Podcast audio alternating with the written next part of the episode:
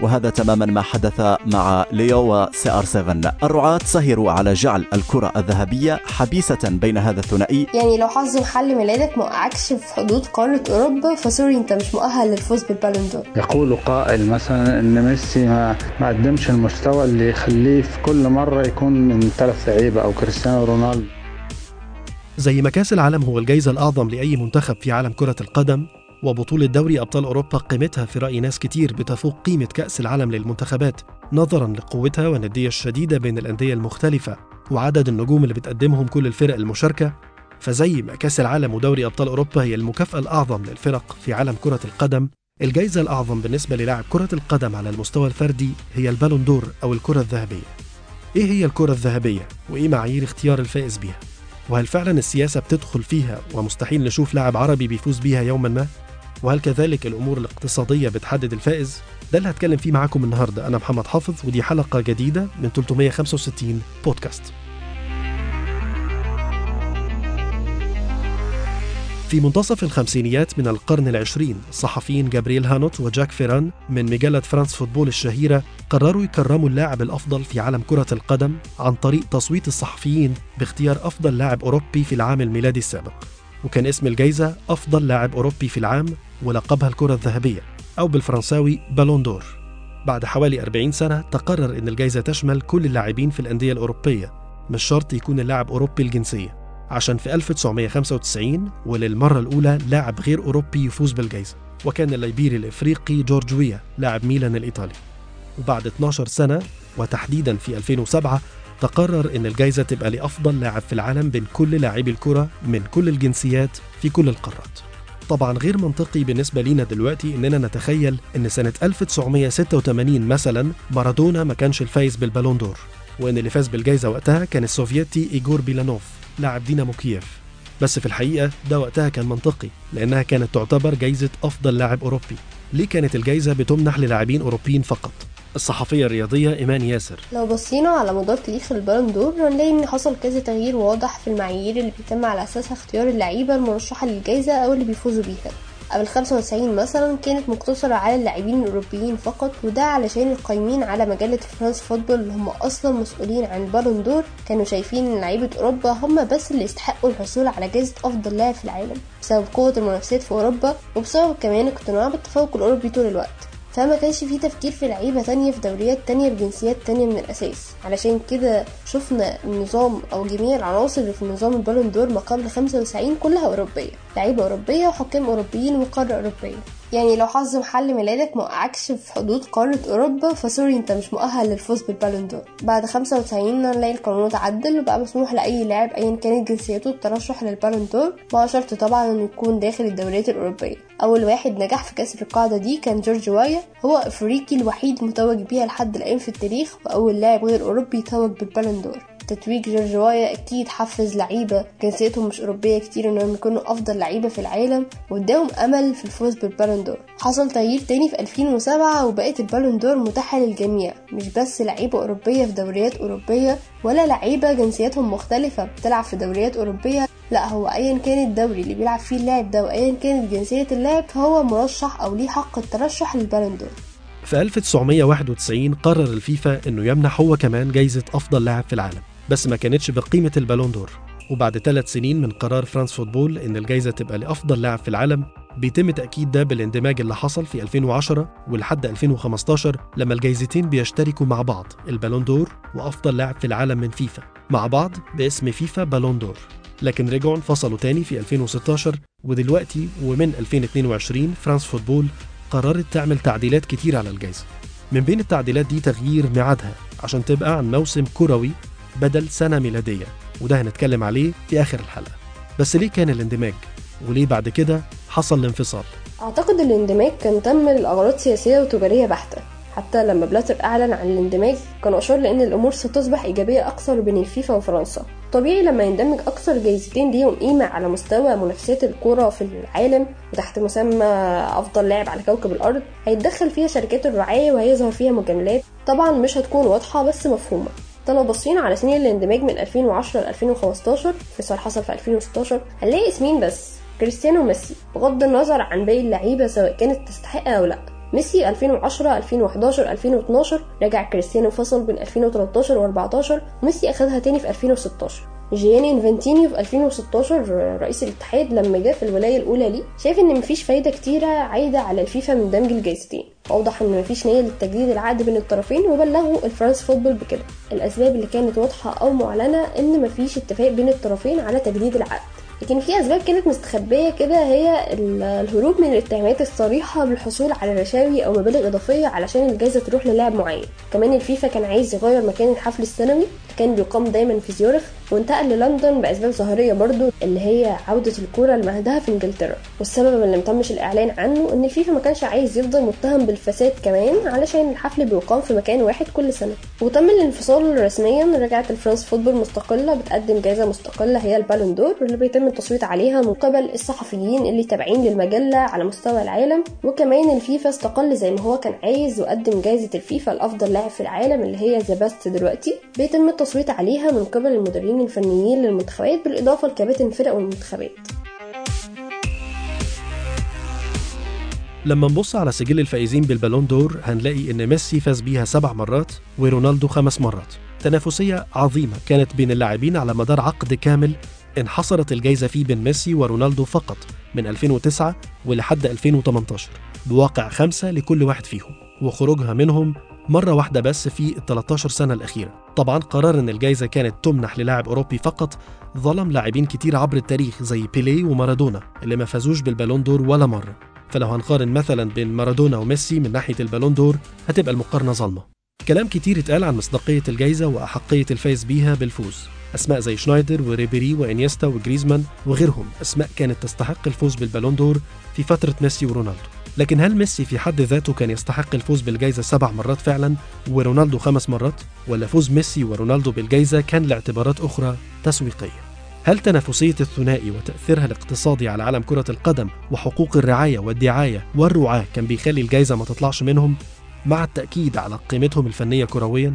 الصحفي الرياضي حكيم الزايري الأكيد طبعا أن التنافسية الكبيرة بين كريستيانو رونالدو وليونيل ميسي تعتبر مادة دسمة لعشاق المقارنات للصحافة العالمية للمحللين الرياضيين. الدور الكبير الذي يلعبه الثنائي على المستوى الاقتصادي والدعائي جعل الحفاظ على تلك الصورة النموذجية لهما يعني كثنائي متنافس أمرا حتميا وضروريا عفوا مهما كلف الثمن. المتابع للشأن الكروي فطريا إن صح التعبير. يعشق هذا النوع من التنافسية والتحدي بين نجمين بارزين خصوصا كما تحدثنا في البداية عندما يتعلق الأمر بأيقونتين في نفس الدوري وهذا تماما ما حدث مع ليو وسي آر 7 الرعاة سهروا على جعل الكرة الذهبية حبيسة بين هذا الثنائي حتى أنه في فترة من الفترات كان هناك تقارب في عدد مرات الفوز بالكرة الذهبية. الأمر الذي دفع المتابع للتساؤل من سينهي هذا الصراع ومن سينهي السباق فائزا بالعدد الأكبر من الكرات الذهبية قبل أن يحين موعد اعتزالهما. بعيدا طبعا عن باقي النجوم في مواسم عديدة هذا دون إنكار إبداعهما وإمتاعهما على ميادين الكرة ولكن ليس بالمستوى الذي جعلهما يستحقان الفوز بالكرة الذهبية في جميع الأعوام الاثنى عشر التي فازوا بها. في أو عفوا التي فازوا فيها بالبالون دور. الكلام عن تشكيك في مصداقية الجائزة وعدالتها كان بيزيد مع مرور الوقت. وفي يونيو الماضي طلعت تسريبات للإسباني سيرخيو راموس قائد ريال مدريد السابق بيطلب فيها الحصول على الجائزة نتعرف على كواليسها وهل فعلا كان في إمكانية تأثير لاعب سواء راموس أو غيره على صناع القرار؟ طلب سيرجيو راموس وقتها من لويس روباليس رئيس الاتحاد الإسباني لكرة القدم مساعدته في الفوز بالكرة الذهبية. دليل قاطع على غياب المصداقية وأن هناك قطعة مفقودة قبل الإعلان عن عن اسم الفائز. التسريبات التي كشفت عنها الصحافة الإسبانية تؤكد أن اعتلاء منصة التربع على عرش الكرة الذهبية ومعانقة الذهب أمر مباح ومتاح أظن أنه لو كان للويس روبياليس قوة تأثيرية كبيرة لدى مسؤولي الاتحاد الأوروبي لكرة القدم لكان راموس هو من توج حينها بالكرة الذهبية بدلا من ليونيل ميسي. أنا لا أقول أن راموس لم يكن يستحقها وقتها أو أن ميسي كان جديرا بنيلها ولكن فحوى الرسائل المسربة يعكس المحظور ويكشف النقاب عن الاعتباطية التي يسير عليها المنهاج الذي يسبق الإعلان عن الفائز بالكرة الذهبية وأن الشق الصفقات الكبرى وأباطرة الرعاية والدعاية بإمكانها التأثير على هوية حامل الكرة الذهبية في كل وقت وحين. تسريبات راموس كما هو معروف كان قد سبقتها يعني تسريبات أخرى لجيرارد بيكي الذي طلب من روباليس عام 2019 إقناع مدرب إسبانيا الأولمبي بضمه للقائمة المستدعاة لأولمبياد طوكيو وما تلا هذا الموضوع من جدل كبير. طبعا استدعاء راموس وبعد ذلك قرر المدرب مدرب منتخب إسبانيا الأولمبي الاستغناء عن راموس وكذلك بيكيه معا والاعتماد على لاعبين آخرين. بالعودة للحديث عن الكرة الذهبية رئيس ريال مدريد هو الآخر فلورنتينو بيريز. لم يسلم من ادعاءات تحكمه في أبطال الكرة الذهبية لأغراض دعائية واقتصادية وغيرها. طبعا الاستدلال جاء بتتويج لوكا مودريتش بالكرة الذهبية عام 2018 وأن كريستيانو رونالدو لولا رحيله إلى يوفنتوس وقتها كان سيحقق الكرة الذهبية السادسة في مسيرته. لكن بما أنه لاعب لناد غير ريال مدريد لم يتأتى له ذلك وهذا مثال بسيط عن الهوامش التي تنخر الكرة الذهبية ومحيطها من كل الجهات. اتكلمنا عن عدم فوز لاعب غير أوروبي بالجائزة قبل سنة 1995 فرانس فوتبول قررت إنها تعمل جوائز فرعية ومنها جائزه سوبر بالون دور اللي منحت لألفريدو دي ستيفانو سنة 1989 وجائزه لاعب القرن مع نهاية الألفية الثانية واللي صوت عليها اللاعبين اللي حصلوا على الجائزه عبر التاريخ. باستثناء ليف ياشين اللي كان توفى قبلها. وكل من ستانلي ماثيوس وعمر سيفوري وجورج بيست امتنعوا باستثنائهم كل اللاعبين التانيين منحوا أصواتهم لأفضل اللاعبين في القرن العشرين عشان يتنافس عليها خمس لاعبين. هما بيلي ومارادونا وكرويف ودي ستيفانو وبلاتيني. وفاز بيها بيلي عشان يبقى لاعب القرن من فرانس فوتبول. في المركز الثاني مارادونا. وده اعتراف من اللاعبين اللي فازوا بجائزة أفضل لاعب في العالم في العام عبر التاريخ من فرانس فوتبول إن أفضل اثنين لاعبين في تاريخ اللعبة من بره أوروبا. كمان في 2016 واحتفالا بمرور 60 سنة على منح الجائزة للمرة الأولى فرانس فوتبول عملت إعادة تقييم للجائزة في الأعوام اللي سبقت قرار منحها للاعبين غير أوروبيين عشان تقرر إن في 12 كرة ذهبية كان لاعب لاتيني هو الأحق بالفوز بيها. منها سبع مرات لبيليه ومرة للبرازيليين جارينشا وروماريو ومرتين لمارادونا ومرة للأرجنتيني ماريو كيمبس. فرانس فوتبول كمان أعلنت في ديسمبر 2020 عن الفريق الأفضل في التاريخ. بعد جمع أصوات الجمهور عبر العالم ثم تصويت 140 مراسل للمجلة حول العالم. وأعلنت المجلة في النهاية عن الفريق الأفضل وتاني وتالت أفضل فريق. وكل ده في سبيل إنها لو نقدر نقول ترجع تصلح أخطاء الماضي أو تتجه للعالمية أكتر وأكتر من الاكتفاء بالأوروبيين فقط خاصة إن الفريق الأفضل في التاريخ ضم خمس لاعبين من البرازيل والأرجنتين والفريق الثاني ضم أربع برازيليين. هل فعلا أفضل اللاعبين في التاريخ بيكونوا إما أوروبيين أو من البرازيل والأرجنتين؟ ولا الاختيارات دي لأسباب ترويجية؟ الصراع طبعا بين أسطورتين والثنائي الأفضل في تاريخ كرة القدم على الإطلاق والتنافسية الكبيرة بين ميسي ورونالدو لسنوات طوال جعلهما تحت الأضواء على مستوى كافة التفاصيل والجزئيات سواء داخل الملعب أو خارجه. الحديث عن الكرة الذهبية وأحقية ميسي ورونالدو بالجائزة سبعة لليونيل ميسي وخمسة لكريستيانو رونالدو يبقى مجلدا واسعا وكبيرا مفتوحا على مصراعيها.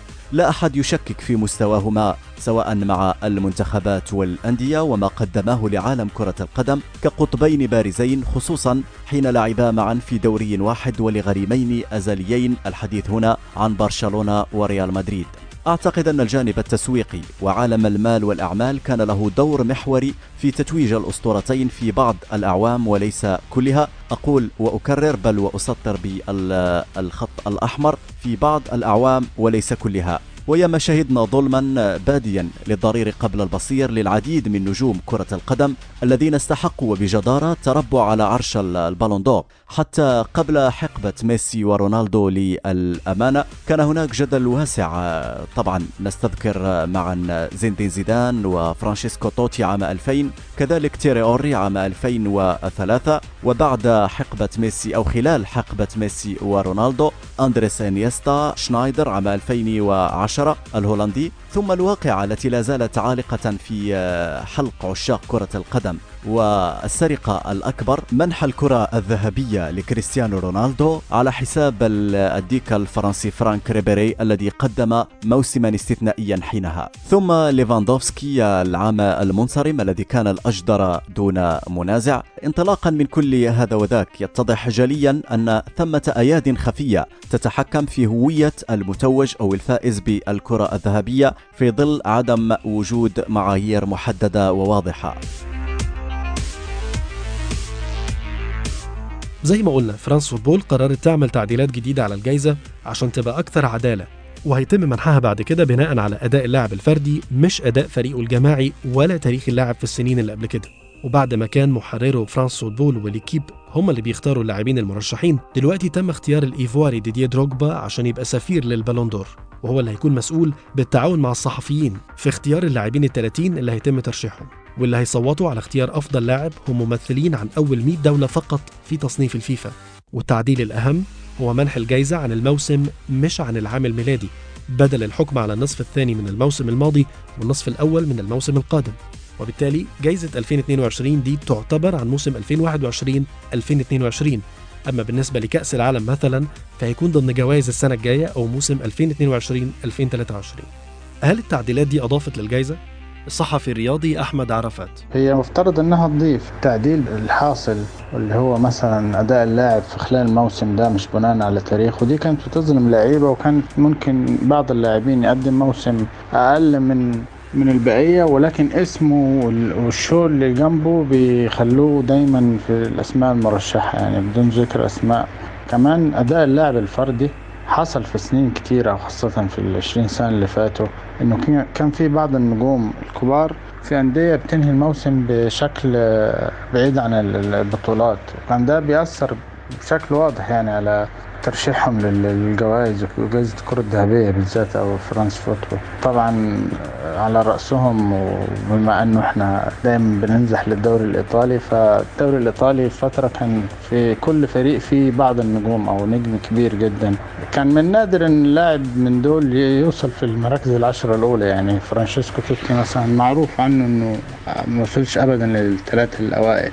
مع انه لأنه فريقه كان صعب إنه ياخد مثلا السكوديتو على عكس لعيبة تانية في أندية تانية سواء في الدوري الإيطالي أو غيرهم يعني. فمثلا لاعب زي زين الدين زيدان اللي هو من أعظم لعيبة كرة القدم في التاريخ لو كان لعب في أو استمرت مسيرته مع فريق زي فيورنتينا أو أو لاتسيو أو روما هل كان هياخد كرة ذهبية أو هيترشح حتى للكرة الذهبية؟ صعب صعب جدا مستحيل.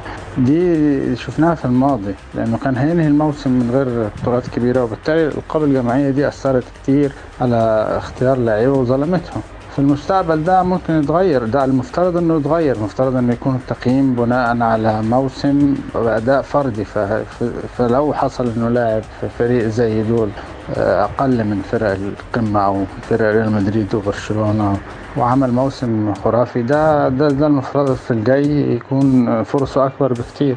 وأيضا تقليص عدد المصوتين ل 100 شخص مختص أكتر. ده ممكن يكون أقل في الأهواء. وإن كانت الجائزه في نهاية المطاف برضه هي ما, ما, ما تقدرش تقول إنها عادلة تماما أو إنها بناء على إحصائيات دقيقة. وحتى لو كان كذا فهي فكرة أصلا اختيار أفضل لاعب في العالم على الإطلاق خلال سنة دي فكرة بعيدة شوية عن عن الحقيقة لأنه المراكز اللعيبة مختلفين. يعني إذا أنت حارس مرمى مثلا وقدمت أعلى أداء ممكن كحارس مرمى أه ولاعب أه قلب دفاع أو ظهير قدم نفس الأداء اللي هو ممكن توب في ده المركز ولاعب آخر في الهجوم أنت متخيل إنه عادة هيروح أو مية في المية هيروح للتسويت لمين؟ للي جاب سبعين جول في الموسم ولا اللي حارس تصدى لكمية تصديات حاسمة وما غلطش ابدا مثلا طول الموسم؟